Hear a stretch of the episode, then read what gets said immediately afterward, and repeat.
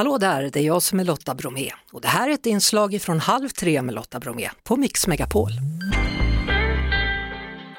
Ja, för någon vecka sedan drygt så pratade vi om feber och det kanske inte är så att bara för att man har en temperatur eh, som endast når 37,3 så är man feberfri utan man kanske i själva verket har feber då. Det beror ju på hur mycket man har redan från början. En som har forskat kring detta det är Märta Sund. Hallå, välkommen till programmet. Ja hejsan och jag heter Märta Sund Levander. Det också, vad bra, då fick vi det sagt så ingen undrar ja. vilken Märta Sund det är vi pratar med. Nej, precis. Hur, hur, forskar man på, på feber, Märta?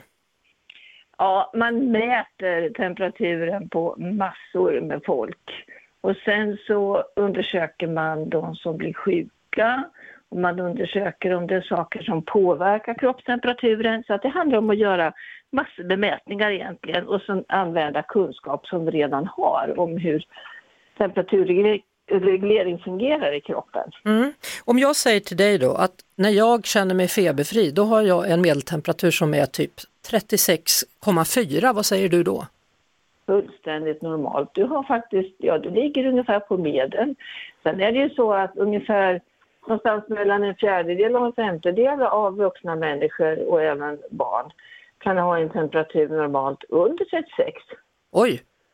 Ja, och det är fullständigt normalt det med. Men om jag säger till dig då, du som är feberforskare, när jag får 37 och 3, 37 4, då känner jag det som att jag har feber. Ja, då har du väl det.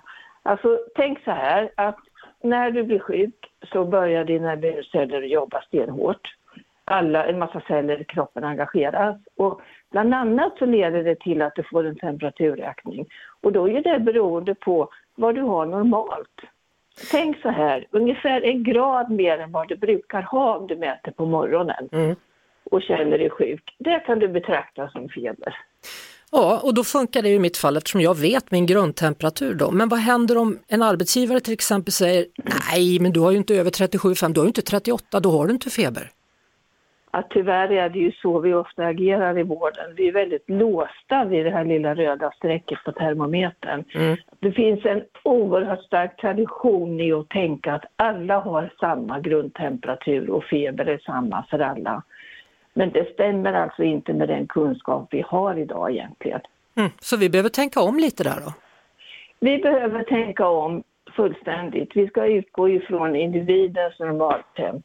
Den, den varierar ju lite grann men det ligger ändå rätt så stadigt. Så mät på morgonen tre dagar när du känner dig som vanligt på ett ställe som du själv bestämmer och gör inga tillägg. Sen har du ett utgångsvärde när du känner dig krasslig. Mm. Spelar det någon roll vilken typ av termometer man använder?